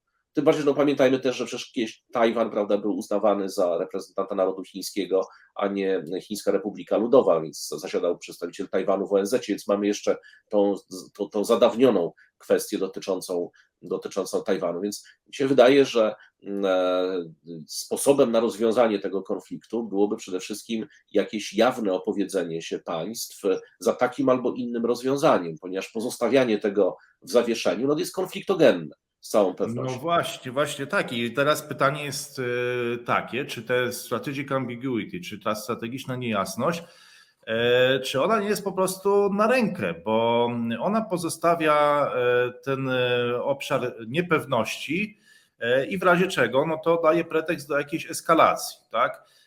Bo zresztą no, problem mógłby być rozwiązany bardzo prosto, kiedy na początku lat 70. Republika Chińska na Tajwanie była usuwana z ONZ-u i zastępowana przez Chińską Republikę Ludową, to wówczas podobno Chiang Kai-shek otrzymał ofertę, czy ch chciałby, żeby Republika Chińska na Tajwanie była członkiem ONZ-u, ale nie jako reprezentant całych Chin i odmówił. I gdyby wtedy były dwa państwa chińskie, to pewnie sytuacja byłaby zupełnie inna i łatwiej byłoby rzeczywiście rozwiązać ten dylemat w sposób, który pan zaproponował, czyli po prostu albo, no, bo można byłoby uznawać oba kraje. No a tak, znaczy można byłoby uznawać oba te podmioty jako kraje. Obecnie e, można uznawać tylko jeden z nich jako kraj. Zdecydowana większość e, uznaje, że jest to Republik, Chińska Republika Ludowa w, ze stolicą w Pekinie, a nie Tajpej, e, który teraz no, też jest przed wielkim dylematem. Czy grać na przedłużanie, trochę na przeczekanie i większość społeczeństwa tajwańskiego no już od kilkudziesięciu lat jest za utrzymaniem również mglistego status quo, czyli również takiego niedookreślonego stanu, żeby było tak jak jest i wcale nie chcą tego zmieniać, nie chcą dążyć do uznania międzynarodowego, żeby nie sprowokować Pekinu, tylko żyje im się tak jak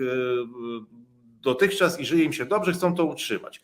To jest takie też mgliste określenie, co to status quo oznacza, no ale oznacza przede wszystkim nieprowokowanie Chin. No i teraz dylemat przed Tajpej polega E, przed którym stoi Tajpej, polega na tym, czy będą starali się wykorzystać tą sytuację no, geopolitycznej rewolucji, która się przetacza przez cały świat od pól bitewnych Ukrainy po Bliski Wschód, po Morze Południowochińskiej, również cieśninę tajwańską i czy wykorzystać to i próbować z tej izolacji międzynarodowej wyjść, czy utrzymać status quo. A jeżeli utrzymać status quo, no to też trzeba być, być może trzeba też być aktywnym międzynarodowo. No i e, jak, w jaki sposób to wyważą, to zobaczymy, ale sytuacja jest rzeczywiście wielopoziomowo potencjalnie konfliktogenna i to czasami mam wrażenie, że pewne kręgi na Zachodzie, które są zorientowane ideowo no, w celu promocji demokracji, praw człowieka, wartości liberalnych, jakby też nie odczytują tego w kontekście takiej gry imperiów, którą my się zajmujemy tutaj w naszych rozmowach, tylko w kontekście może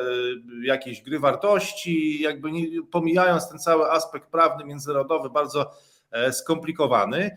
E, no i cóż, i trwa ten festiwal medialnych wypowiedzi, oświadczeń, ustalanie również o to, kto jest agresorem i kto jest zagrożeniem dla światowego pokoju. No jeśli już mocarstwa czy imperia e, kłócą się o to, kto broni pokoju, a kto jest agresorem, no to to już jest bardzo zła sytuacja, jeżeli wszyscy walczą o pokój, a w cieśninie tajwańskiej też wszyscy walczą o pokój, bo jak pan powiedział, e, Stany Zjednoczone chcą zapewnić od 2015 roku na Morzu Południowochińskim wolność, swobodę, swobodę żeglugi, swobodę nawigacji, no Chiny uważają, że y, chcą po prostu egzekwować swoje prawa do chociażby również i Tajwanu, no Pekin do, w stosunku do Tajwanu i innych terytoriów, e, a sprawy nie ułatwia fakt, że w najwęższym punkcie, to jest 130 kilometrów między wyspą a kontynentem, E, czyli no już abstrahując od tego, czy te, czy, to, czy, ta, czy te linie demokracyjne, ten midline, bo tak to się nazywa po angielsku, czy to istnieje, czy nie istnieje, no to bardzo łatwo jest naruszyć to, czy bardzo e, łatwo jest spowodować napięcie. E, I myślę, że obserwując pola bitewne Ukrainy, czy obserwując Bliski Wschód, no również też powinniśmy mieć na względzie Azję Wschodnią i cieśninę tajwańską, bo jest to obszar E, no, potencjalnych konfliktów. Chociaż tak jak pan powiedział, no 754 określenie, y, y, ostrzeżenie, że to już być może tym razem i nie wiadomo, czy któregoś dnia po prostu nie wstaniemy i nie okaże się, y, że wieści z Azji Wschodniej e, są takie, że jednak tym razem do jakiejś eskalacji doszło. Zwłaszcza, że jeszcze mamy e, Morze Południowochińskie, gdzie sytuacja jest również napięta. Tam są konflikty terytorialne między Chinami, Chińską Republiką Ludową, co ciekawe także Republiką Chińską, która w tych wielu sporach bierze stronę Pekinu, czyli Tajpej bierze stronę Pekinu w tych sporach e, z Filipinami, Indonezją, e, Malezją i Wietnamem. E, I nie ma sposobu, efektywnego sposobu na to, żeby te spory rozstrzygnąć. Właśnie w 2015 roku Stany Zjednoczone wyszły z inicjatywą E, swobody żeglugi czy nawigacji. Zostało to poparte przez Wielką Brytanię i co ciekawe Francję. E, tyle, że wszystko to opiera się e, o rezolucję Organizacji Narodów Zjednoczonych z 1982 roku, a konkretnie artykułu 87 dotyczącego właśnie swobody żeglugi morskiej. No problem tylko w tym, że Stany Zjednoczone same tej rezolucji, nie, tego aktu nie podpisały, ale też go promują akurat w tamtym, e, w tamtym regionie. Więc mamy zderzenie dwóch strategii, bo strategia Chin jest strategią salami, czyli Chińczycy krok po, ci z kontynentu krok po kroku, e, no właśnie poprzez budowanie tych artificial islands, tych wysepek, e, starają się rozciągać jakby swoje władztwo wokół swojego bezpośredniego otoczenia międzynarodowego, na co Amerykanie odpowiadają właśnie swobodą żeglugi. I w 2016 roku w sporze z Filipinami Międzynarodowy Trybunał w sporze między Chiny i Filipiny przyznał rację Filipińczykom, co oprotestował zarówno Pekin, jak i Tajpej, nie uznając tego, tego trybunału. Więc jest to region ogromnych napięć, zwłaszcza, że 40% całego handlu chińskiego przepływa przez Morze Południowochińskie, 80% importu energii, czy tych ropy, surowców, czyli no prawdopodobnie w dużej mierze z Afryki i Bliskiego Wschodu, o którym dyskutowaliśmy, również przebiega tymi szlakami morskimi przez Morze Południowochińskie. I co ciekawe, to jest chyba około 1 trzeciej światowego handlu w ogóle koncentruje się na tym akwenie, więc widzimy jak bardzo duża jest tutaj stawka, jak duże jest może jednak nie tak jak w przypadku Izraela i, i, Iranu czy Bliskiego Wschodu, nie jesteśmy tak daleko w, w, tej sekwencji eskalacyjnej, no ale jednak jesteśmy już bardzo daleko i już wszyscy przestają dowierzać, że to ostrzeżenie, no już tyle razy ostrzegano, że nie wiadomo kiedy to się wydarzy, wydarzy jakby, jakby, jakby naprawdę. Znaczy, Więc... warto, warto dodać, że okoliczności są sprzyjające, ponieważ o ile w sytuacji, gdybyśmy nie mieli owej wojny na Ukrainie, gdybyśmy mieli ten business as, as usual z, w relacjach rosyjsko-zachodnich, to faktem jest, że jak każde rozpoczęcie czegoś przez Chiny, w związku chociażby czy z Tajwanem, czy z Morzem Południowochińskim, prawdopodobnie ściągnęłoby uwagę Stanów Zjednoczonych i Europy. Natomiast powstaje pytanie, na ile Stany Zjednoczone, już o Europie Zachodniej nawet możemy zapomnieć w tym kontekście, na ile Stany Zjednoczone są gotowe na otwarcie kolejnego frontu i kolejnego konfliktu, to takiego poważnego frontu konfliktu, w sytuacji, w której Chiny na przykład mogłyby być przecież znakomitym sojusznikiem, w, gdyby decydowały się na powiedzmy życzliwą neutralność przy okazji tego konfliktu rosyjsko-ukraińskiego. To znaczy każde każdy nacisk Stanów Zjednoczonych e, na Morzu Południowochińskim czy w kwestii Tajwanu pcha oczywiście Pekin coraz bliżej, no, przybliża go do Moskwy, krótko mówiąc. Znaczy, Chińczycy mogą chociażby po to, żeby pokazać e, Amerykanom, jakie są konsekwencje tej ich agresywnej polityki w tej części świata, mogą dokonywać różnego rodzaju spektakularnych gestów w relacjach e, z Rosją. Może nie dlatego, że to leży w ich interesie, tylko po prostu, żeby pokazać, że jest jednak alternatywa cały czas dla Stanów Zjednoczonych i są w stanie w przypadku jakiejś eskalacji, czy w przypadku nawet wprowadzania kolejnych sankcji, gdyby zostały wprowadzone, znajdować sobie czy inne rynki zbytu, czy, czy innych partnerów. E, I tutaj e, tym bardziej, że no, zarówno kierownictwo chińskie, zresztą trochę podobnie jak rosyjskie, niespecjalnie są związane nastrojami społecznymi i terminami wyborów. Więc mogą sobie pozwolić na e, chociażby przeczekanie tej administracji i oczekiwanie na, na kolejną. No myślę, że to jest bardzo ciekawa kwestia, bo to by właściwie prowadziło nas do takiego dylematu, czy właściwie elity amerykańskie i Waszyngton do rozstrzygnięcia dylematu, czy chcemy świata multipolarnego, czy, e, czy świata dwubiegunowego. No oczywiście na, na, najbardziej Amerykanie chcieliby świata jednobiegunowego. I w logice świata multipolarnego, no to byłyby możliwe sojusze e, Stany Zjednoczone, Chiny. E, natomiast odnoszę takie wrażenie, że USA traktują jako, właśnie Chiny jako główne wyzwanie, że są możliwe taktyczne sojusze nawet z Federacją Rosyjską, ale nigdy z Chinami. E, i że to jest e, główny rywal i no, mówię to na podstawie chociażby ostatniego dealu, do którego doszło w kosmosie między Federacją Rosyjską a Stanami Zjednoczonymi. E, została przedłużona umowa między Roskosmosem a, a NASA. To oczywiście stało się tak w wyniku dobra ludzkości. Chodziło o to, żeby zachować tą międzynarodową stację kosmiczną i skoro ta współpraca została rozpoczęta między Rosjanami a Amerykanami, i nie tylko nimi, bo tam jest wiele innych jakby agencji kosmicznych z wielu innych krajów, które tą stację e, współtworzy, e, no to znaczy, że istnieją jednak pewne sytuacje, czy istnieją jednak pewne warunki, w których możliwa jest e, współpraca, nawet dzisiaj, kiedy trwa taka zaciekła wojna na Ukrainie, tak, którą obserwujemy, którą która ma taki duży wpływ, albo przynajmniej ogniskuje naszą uwagę w Polsce. Jest, jest możliwe jednak porozumienie rosyjsko-amerykańskie, że istnieją takie sytuacje, że trzeba się dogadać. Natomiast mam wrażenie, że z Chinami takiej możliwości nie ma, a to dlatego, że elity waszyngtońskie rozstrzygnęły ten dylemat, czy zmierzamy w stronę świata multipolarnego, czy świata raczej dwubiegunowego. Raczej patrzą w, w, na ten świat jako dwubiegunowy, no w, w, z próbą jakby utrzymania jednobiegunowego tutaj systemu, a Chiny temu wszystkiemu raczej, wydaje mi się, że Chiny odwrotnie, raczej postawiły na świat multipolarny i oczekują z, z tego, co się wyłoni z tego chaosu, obserwując pola bitewne Ukrainy i także patrząc na Bliski Wschód, gdzie dzieją się no, niesamowicie ciekawe rzeczy i widać wyraźnie, że Amerykanom trochę zaczyna tam brakować ruchu, o czym mówił Pan w pierwszej części naszej rozmowy. No i wygląda na to, że teraz mamy do czynienia z kolejną inicjatywą i to jest ta słynna, te słynne spotkanie, słynne chyba już właściwie tak możemy powiedzieć, spotkanie w Teheranie, no, gdzie mamy, mieliśmy Reczepa Erdogana, Władimira Putina, no i również, i również władze irańskie. No i co z tego wyniknie? Czego się pan spodziewa, jak tutaj Bliski Wschód się wpisze w te działania, w tą rywalizację także amerykańsko-chińską, no bo wykonując te działania matematyczne, no gdzieś tam w pamięci zawsze e, mamy tą rozgrywkę amerykańsko-chińską.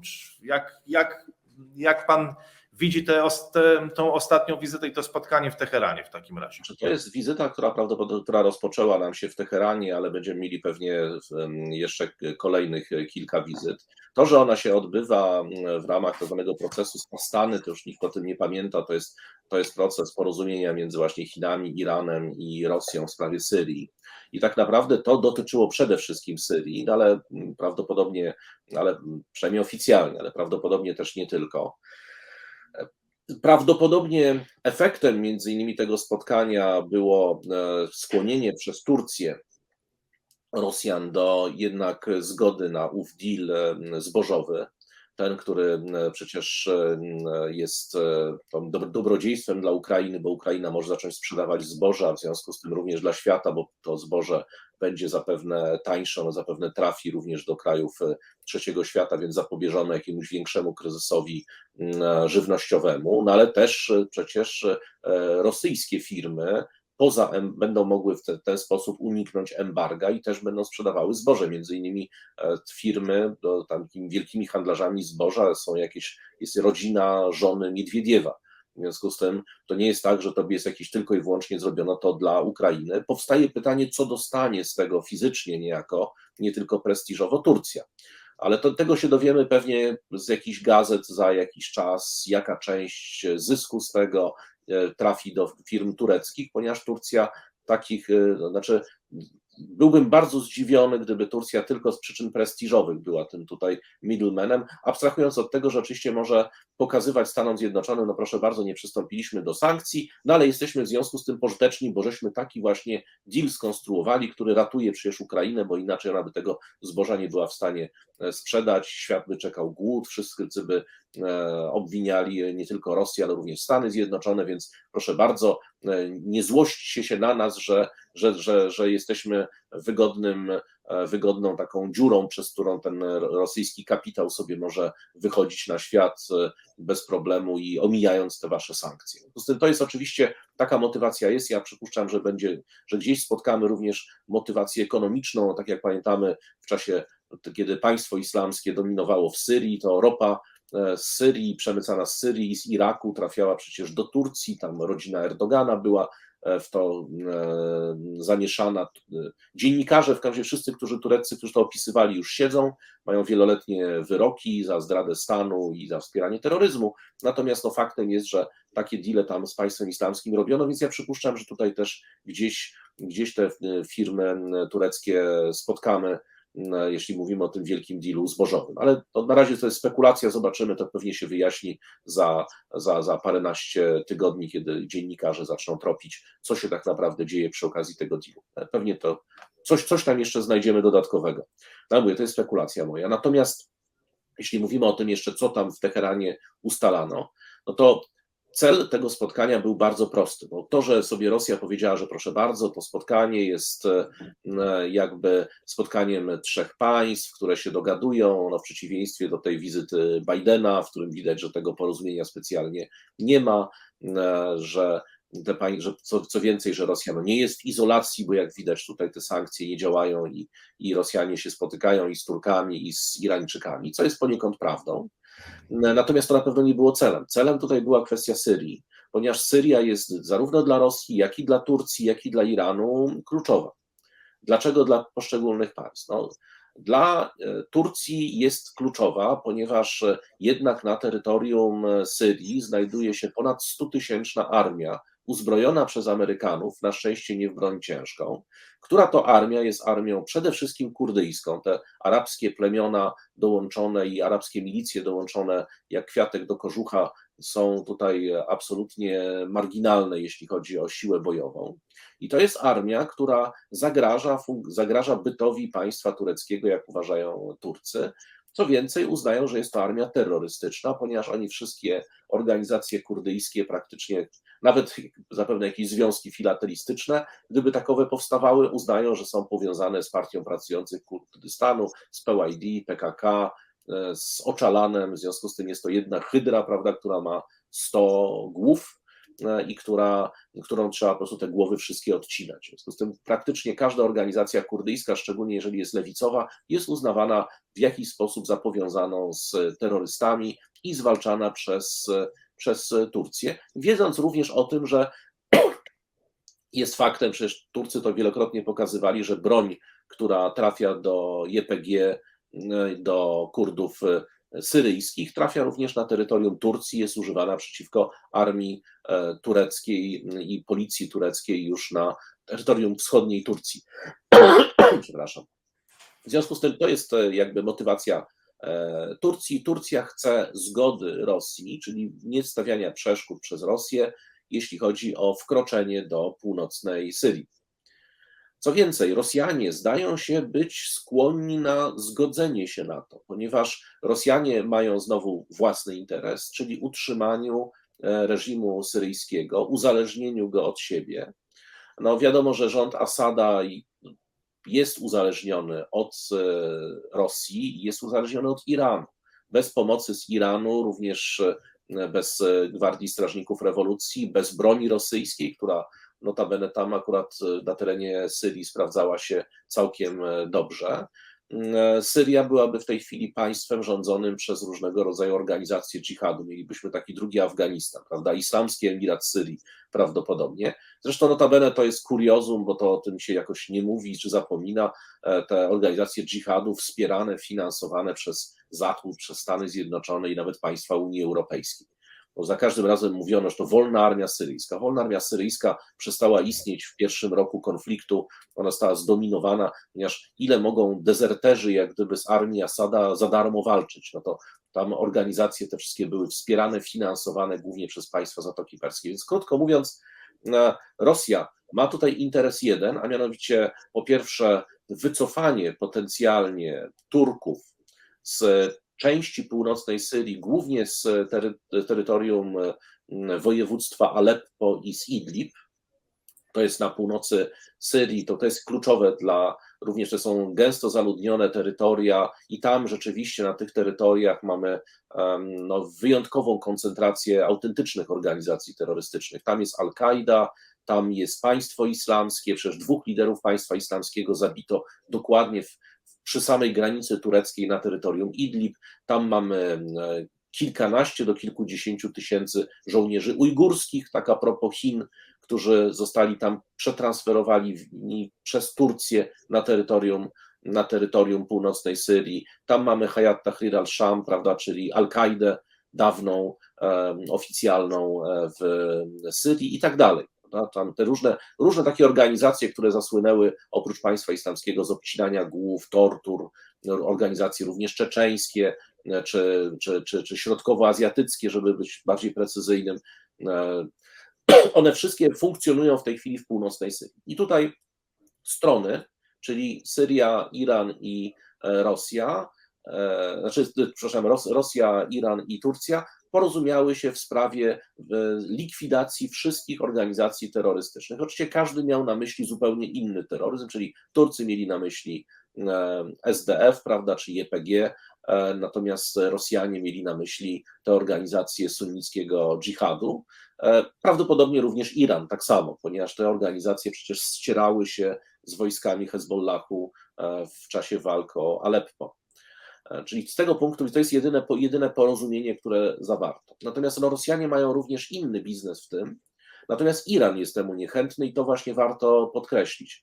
Rosjanie mają jeden podstawowy biznes polegający na tym, żeby armia turecka rozgromiła Kurdów, czyli rozgromiła wojska kurdyjskie, e, jednocześnie jednak nie okupując całego terytorium e, Syrii, czyli ściągając jak gdyby gro tych wojsk e, kurdyjskich na północ, tam ich rozgramiając albo stawiając w takiej sytuacji, że one nie będą miały innego wyjścia, tylko oddać się pod e, opiekę rządu centralnego, bo to by oznaczało, że bez jednego strzału Rosjanie i Syryjczycy zajmą już całą Syrię. Przede wszystkim nie tylko te pustynne obszary, tam Rakki i na wschód od Rakki, ale przede wszystkim E, terytoria na wschód od Eufratu, bo tam, ponieważ tam znajdują się pola naftowe i pola gazowe, e, to wyjątkowo zresztą bogate, które są w tej chwili eksploatowane w cudzysłowie e, przez Amerykanów pod osłoną wojsk kurdyjskich. Jeżeli te wojska kurdyjskie staną pokonane, jeżeli dojdzie do porozumienia, to nagle się okaże, że Amerykanie są, są tam persona non grata i po prostu Syryjczycy będą mogli za, zająć całą te, całe to terytorium. Mm, czego oczywiście Amerykanie nie chcą. No ale Amerykanów tutaj na tej, w, tym, w tym miejscu nie było. Stąd też właśnie, jak wskazują niektórzy komentatorzy, właśnie, że tutaj doszło do, e, że Rosja jest dużo bardziej skłonna do rozmów z Turcją niż Iran do rozmów z Turcją w tej kwestii. Oczywiście nie wiadomo, co zrobi w takiej sytuacji Turcja. Czy Turcy za, za, zatrzymają się na tej linii 30-40 kilometrów od granicy, czy też pójdą dalej na południe. Co zrobią w tej sytuacji Amerykanie, to wiemy, to znaczy Amerykanie pewnie się wycofają. E, co więcej, Amerykanie w sytuacji takiego dealu, z, e, czy ewentualnie rozgromienia tych, e, tych, tych wojsk kurdyjskich, tak naprawdę przestaną tam mieć rację bytu. Znaczy, albo będą musieli zwiększyć zasadniczo swoją obecność wojskową i okupować już tak oficjalnie to terytorium, albo będą się musieli wycofać. No tak czy inaczej, pojawienie się E, wojsk syryjskich, a w związku z tym również wojsk rosyjskich na granicy Iraku, no to jest to wielki prezent dla Władimira Putina, ponieważ Rosja ma plan od zawsze odzyskania swoich wpływów nie tylko w samej Syrii, ale również w Iraku, czyli w dwóch państwach bogatych w gaz i w ropę naftową, do czego nie chcą dopuścić oczywiście Amerykanie, no ale przez swoje jakby niezdecydowanie w kwestii kurdyjskiej, bo to prawdopodobnie ten całe spekulacje dałoby się przeciąć, gdyby Amerykanie jeszcze w czasach Trumpa e, postawili na niepodległe państwo kurdyjskie. E, nie zrobili tego z niewiadomych przyczyn, bo akurat Kurdowie to jest akurat jedyny sojusznik, w cudzysłowie oczywiście sojusznik, czy jedno państwo, które jest skłonne popierać i nawet uznać e, niepodległość Kurdystanu w tych granicach, to był Izrael, więc to byłoby spójne z polityką izraelską. No ale tak czy inaczej. A kiedy Pana zdaniem była najlepsza koniunktura dla utworzenia państwa kurdyjskiego w ostatnich 30 latach? Czy, czy był taki moment, jakiś, jakiś, jakiś takie geopolityczne okienko się otworzyło i powstała koniunktura do utworzenia takiego państwa? Końcówka, końcówka rządów Obamy tak naprawdę, ponieważ to był ten moment, kiedy, kiedy Kurdowie, właśnie kiedy Kurdowie zaczęli walczyć i zwyciężać w walce z państwem islamskim, czyli stali się tą armią lądową, której dzięki temu Obama nie musiał wysyłać. Pamiętamy, no boots on the ground, prawda, to jego słynne zapewnienie. No jest, tymi boots byli właśnie Kurdowie. Było kilka nieudanych prób tworzenia różnego rodzaju armii syryjskich, z różnego rodzaju ochotników, najemników i tak dalej. To się nie udało ani razu. Natomiast Kurdowie jak najbardziej tak. Co więcej, Kurdowie przecież poszli dalej niż te teren, niż wyzwolenie tych terenów kurdyjskich, zaatakowali Rakkę i zajęli terytoria, na których już Kurdów nigdy historycznie nie było, czyli poza własnym terytorium walczyli, walczyli pod flagą amerykańską, prawda, ze wsparciem amerykańskiej artylerii, lotnictwa, no ale jednak oni stanowili kluczową część e, piechoty. I to był ten moment, kiedy można było uznać niepodległość albo autonomię, albo niepodległość Kurdystanu, tworząc po prostu, czy ewentualnie w wschodniej Syrii, dokonując takiego wirtualnego rozbioru, czy właściwie fizycznego rozbioru Syrii na Syrię zachodnią, rządzoną przez Asada i jego sojuszników z Iranu i Rosji, i z drugiej strony na państwo, które jest wspierane przez Amerykanów. Amerykanie się na to nie zdecydowali, również po to, żeby nie psuć sobie relacji z Turcją.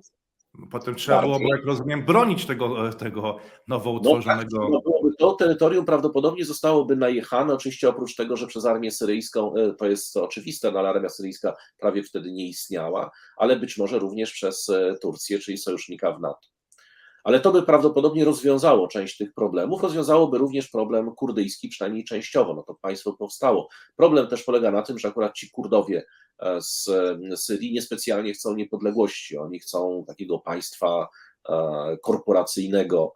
E, oni twierdzą, że jest to, że jest to w tej chwili państwo wzorowane na szwajcarskim, to my, ja się dopatruję jednak tutaj korzeni maoistowskich. To niektórzy twierdzą, że to anarchistyczne, no nie, nie do końca, tak. Znaczy, to nie jest anarchistyczne, e, oznaczałoby stworzenie takiego systemu e, spontanicznie i oddolnie, a nie narzucanie go po prostu przez partii i przez władze centralne, co zresztą jest właśnie robione na terytorium kurdyjskim. No, to już jest, powiedzmy, dyskusja e, na, na marginesie. Faktem jest, że Rosjanie są skłonni po, pozwolić Turkom na to, tym bardziej, no proszę zobaczyć, no, sojusznik Stanów Zjednoczonych z NATO atakuje innego sojusznika Stanów Zjednoczonych, co prawda nie z NATO, no ale takiego, który wykonuje pewną istotną funkcję dla Amerykanów, w tym również, albo przede wszystkim, oddziela terytorium Iraku i możliwości transferu irańskiej broni, irańskich jednostek, a przynajmniej szerokiego transferu, takiego, który, którego nie dałoby się zatrzymać, przez terytorium Syrii na granicę chociażby Izraela. Natomiast, e, natomiast w momencie, kiedy ta armia kurdyjska zostanie rozgromiona albo zostanie to przyłączone do, do po prostu ponownie do już terytorium kontrolowanego przez rząd syryjski, no to mamy granicę syryjsko-iracką z, ze wszystkimi tego konsekwencjami, gdzie mamy syryjski rząd wspierany przez Iran, iracki rząd, który no, jest nie wspierany akurat przez Iran, ale część sił politycznych jest jawnie proirańska, finansowana przez Iran, w tym słynne szyickie milicje, prawda, Badr, ruch Badr i, i przyległości. Więc mamy sytuację korzystną z całą pewnością dla Rosji. No i właśnie to, co dziwi w tej chwili, to jak to niechęć Iranu. Być może Irańczycy dochodzą do wniosku, że jednak e, ta, ta ofensywa potencjalna turecka, ona będzie się odbywała nie wojskami tureckimi, tylko znowu mhm. przez te, tylko znowu ten trzon będą stanowiły te dżihadystyczne milicje E, sunnickie, które z dużo większym entuzjazmem będą mordowały e, szyitów niż e, ewentualnie Kurdów. I w związku, czyli te wszystkie związane z Al-Kaidą ruchy, które są no, ich podstawowym wrogiem jest Iran, prawda, czy szyici. I to są, są sekciarskie jak najbardziej. No od Al-Kaidy, znaczy one nie są członkami Al-Kaidy jako takiej, bo to jest decyzja o podporządkowaniu się emirowi albo min, prawda, to jest e, decyzja polityczna, ale od Al-Kaidy nie różnią się niczym, a są nawet bardzo często dużo bardziej radykalne, jeśli chodzi o już wyznawane ideologie. Więc to jest, być może to stanowi dla Iranu e, tą barierę, no ale tak czy inaczej, to się prawdopodobnie w najbliższym czasie będziemy mieli jeszcze kolejne odsłony tego, tego potencjalnego E, dealu. No dla Iranu oczywiście istotne jest też to, że zarówno Turcja, jak i Rosja pomagają Iranowi unikać części sankcji, a w związku z tym te sankcje są mało skuteczne, czy mniej skuteczne niż byłyby w innej, odmiennej e, sytuacji. No ale wszystkie te państwa zgodziły się wspólnie na kontynuowanie tego formatu i prawdopodobnie jednak do tej inwazji tureckiej w którymś momencie przewidywalnym e, dojdzie. E, mamy za chwilę wizytę e, Putina, znaczy e, wizytę Erdogana w Soczi, rozmowy z Putinem i prawdopodobnie tam będą dogrywane szczegóły ewentualnej interwencji tureckiej na północną Syrię. I kolejną komplikację dla Stanów Zjednoczonych. Proszę zobaczyć, jak wielkie konsekwencje miało kilka błędów polityki amerykańskiej, takich głębokich błędów dla w ogóle całej historii świata. jeden błąd wielki Obamy to jest wycofanie się nagłe z Iraku, który notabene pozostawienie tego Iraku w takiej bardzo dużej pustce politycznej, szczególnie w, w pozostawienie swoich sojuszników, czyli tego ruchu sunnickiego Sałat na, na łaskę nienawidzących go polityków szyickich.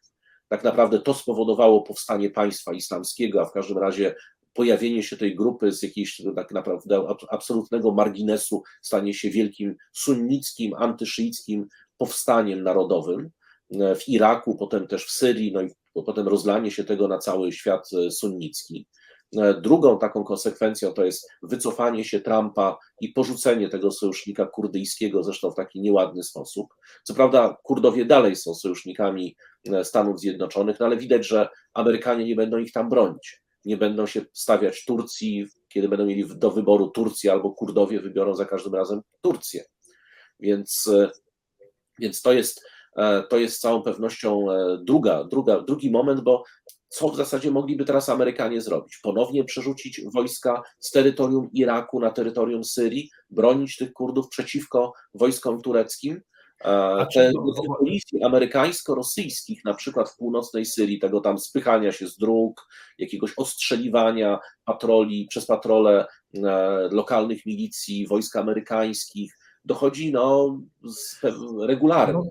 Rzeczywiście tutaj jest e, pole manewru bardzo ograniczone, ale wygląda na to, że jeśli chodzi o tą inwazję turecką na północną Syrię, o której od jakiegoś czasu też mówimy mm, w trakcie tych naszych e, rozmów, że jej prawdopodobieństwo jednak jest e, wyższe niż, niż te ciągłe ostrzeżenia o płonącej stodole, że są jednak obszary czy też punkty zapalne we współczesnym świecie, gdzie jednak istnieje ta równowaga, no konsekwencje tego byłyby tak duże, że cały czas sytuacja jest poważna, ale cały czas mamy do czynienia z ostrzeżeniami, a tutaj to się chyba szybko jednak przechyli w, w stronę jednak jakiejś interwencji. I tak już e, powoli przechodząc do konkluzji, to chciałbym się Pana zapytać, bo to jest jednak pewnego rodzaju niespodzianka, to spotkanie w Teheranie. Wygląda na to, że trzy kraje regionu, trzy mocarstwa, ale nie tej już y, tej najwyższej wagi, takie jak Stany Zjednoczone czy Chiny, chociaż Chiny może akurat tych wpływów na Bliskim Wschodzie takich dużych nie miały, dopiero od jakiegoś czasu zaczęły być y, liczącym się graczem, ale te trzy mocarstwa, te trzy kraje bardzo ważne będą w stanie układać sytuację w regionie. Czy to nie jest pewnego rodzaju jednak jakaś rewolucja, że można coś robić na Bliskim Wschodzie, że może się umówić Iran, Rosja i Turcja i po prostu coś efektywnie przeprowadzić, no tak jakby w przypadku Tur yy, Syrii. Czy mieliśmy do czynienia z taką sytuacją, że powiedzmy gracze średniej wagi układali, yy, układali się w tym regionie i efektywnie wpływali na, e, na sytuację, czy to jest tak naprawdę jednak można powiedzieć, że pewnego rodzaju przełom, czy też game changer, jak to określamy dzisiaj w języku polskim. Może jest przełom, ale ten przełom trwa już od jakiegoś czasu. To nie jest przez pierwsze spotkanie w tym formacie. Faktem jest, że wyzwalaczem, można powiedzieć, tego, tego procesu no to jest wojna w Syrii i zaangażowanie się mocarstw e, zarówno regionalnych, jak i globalnych w tę wojnę. Natomiast e, Natomiast z całą pewnością te trzy państwa umawiały się, bo o tym zapomniałem powiedzieć, to jest do tego stopnia oczywiste, że aż zapomniałem o tym opowiedzieć. Otóż przede wszystkim no, pierwszym podstawowym e, celem tego formatu w Astanie jest układanie sytuacji w tej części świata, czyli Iran, Irak, Syria, Turcja i oczywiście kraje przyległe, e, Liban przez to również i tak dalej w formacie bez Stanów Zjednoczonych. To jest po prostu format rugowania Stanów Zjednoczonych z wpływu na politykę w tej części świata. No tak, ale czy to wcześniej się udawało w taki spektakularny sposób, jak to może się, bo jeszcze mówimy w czasie przyszłym, może się udać e, teraz? No jeżeli e, dojdzie do tej zapowiadanej czy branej pod uwagę już od jakiegoś czasu inwazji Turcji na Syrię, no to będzie to naprawdę bardzo układane, e, bardzo efektywne układanie jakby całej architektury regionalnej,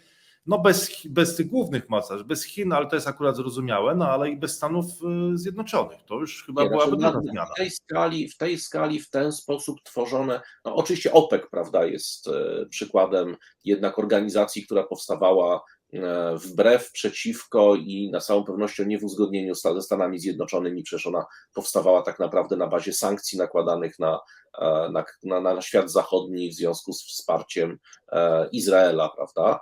E, Natomiast, e, natomiast jeśli chodzi o taką już bardziej przyziemną, geostrategiczną układankę, to to jest, to jest proces bez precedensu. To znaczy, to jest proces, który pokazuje, że państwa zachodniej Europy, e, czy Zachodu, przepraszam, Zachodu, bo to Stany Zjednoczone i zachodnia Europa, e, poniosły czy ponoszą druzgocącą klęskę, jeśli chodzi o ich dyplomację w tej części świata tej części świata szeroko rozumianej, bo bardzo podobny proces mieliśmy przecież w Libii, gdzie początek wojny i później kontynuacja tej wojny to była rywalizacja francusko-włoska, gdzie Włochy popierały jeden rząd, Francuzi drugi. I wydawałoby się, że te, te dwa kraje rozdają karty w Libii, a tak naprawdę w tej chwili karty w Libii rozdaje Turcja z jednej strony, która zainterweniowała zbrojnie, z drugiej strony Rosja wraz z Egiptem, które zainterweniowały zbrojnie po prostu i nagle się okazało, że nie ma miejsca ani dla Włochów, ani dla Francuzów, ani w ogóle dla Unii Europejskiej, ponieważ zupełnie coś innego było potrzebne w tym konflikcie. I w tej chwili e, państwa Unii Europejskiej, jeżeli tam się pojawiają, to się pojawiają jako klienci, a nie gracze. I, ten, i taki, sam, taki sam proces obserwujemy chociażby w tym procesie z Astany, gdzie e, państwa regionu, z Rosją oczywiście, która tutaj chce odgrywać, chce odbudowywać swoje wpływy e, dawnego Imperium Radzieckiego, mm, e, to te państwa decydują tak naprawdę o procesach, na które Stany Zjednoczone no, mogą sobie to obserwować w telewizji. Tak? Tutaj nie są ani zaproszone, ani nie mają na to żadnego wpływu. E, I co ciekawsze, dogadują się przecież tutaj z jednej strony Turcja, która teoretycznie jest członkiem NATO i teoretycznie sojusznikiem Stanów Zjednoczonych, no z arcywrogiem e, Stanów Zjednoczonych obecnie, czyli z Iranem, jakby nie było, bo e, ten przecież potencjalny konflikt z Iranem jest nawet bardziej prawdopodobny niż z Chinami, oraz, oraz e, stroną jest również Rosja.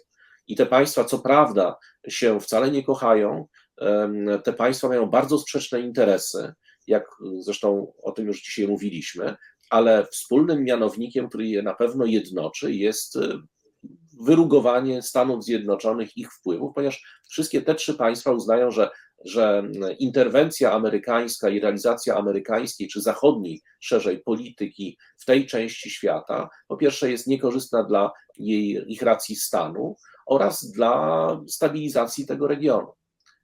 I to jest bardzo częsty e, motyw, chyba nie tylko e, na Bliskim Wschodzie, ale w ogóle w świecie pozaeuropejskim, o czym też dzisiaj dużo mówiliśmy w kontekście czy to Azji Wschodniej, czy nawet Ameryki Południowej, czyli ten motyw no, wypychania hegemona dotychczasowego. Zobaczymy, jak ta gra imperiów e, będzie wyglądać w kolejnych tygodniach, bo gra imperiów nigdy się e, nie kończy. Musimy już e, powoli zmierzać się do konkluzji. Ja tylko chciałbym jedną rzecz, do jednej, popełniłem mały błąd i chciałbym go poprawić, bo powiedziałem o tym, że istnieje zdolność koalicyjna, czy też możliwość e, zawierania jakichś takich e, porozumień między Federacją Rosyjską a Stanami Zjednoczonymi i doszło do takiego dealu ostatnio w kosmosie. Mówiłem o tym, że nie ma takiej możliwości między Stanami Zjednoczonymi a Chinami, no ale jednak e, są takie możliwości. E, I tak było w trakcie tego słynnego spotkania na Alasce, gdzie dyplomaci amerykańscy i chińscy się przekrzykiwali, a na koniec stwierdzili, że będą wspólnie pracować nad e, mitygowaniem tych e, skutków zmian klimatycznych.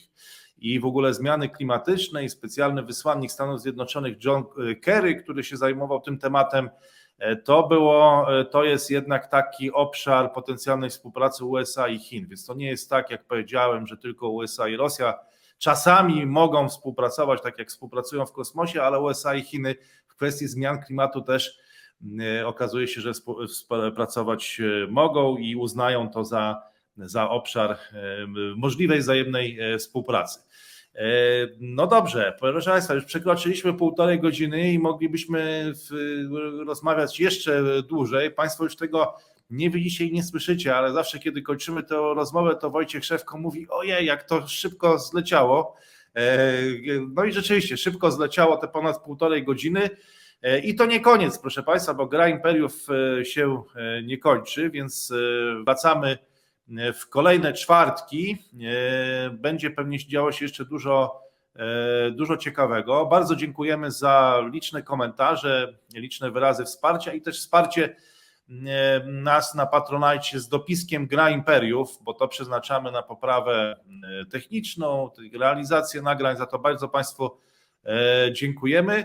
E, Czego się spodziewa Pan w przyszłym tygodniu? Tak e, bardzo krótko. Czy ma Pan już jakiegoś e, faworyta? Mówię tu o jakimś wydarzeniu, które potencjalnie będzie można skomentować.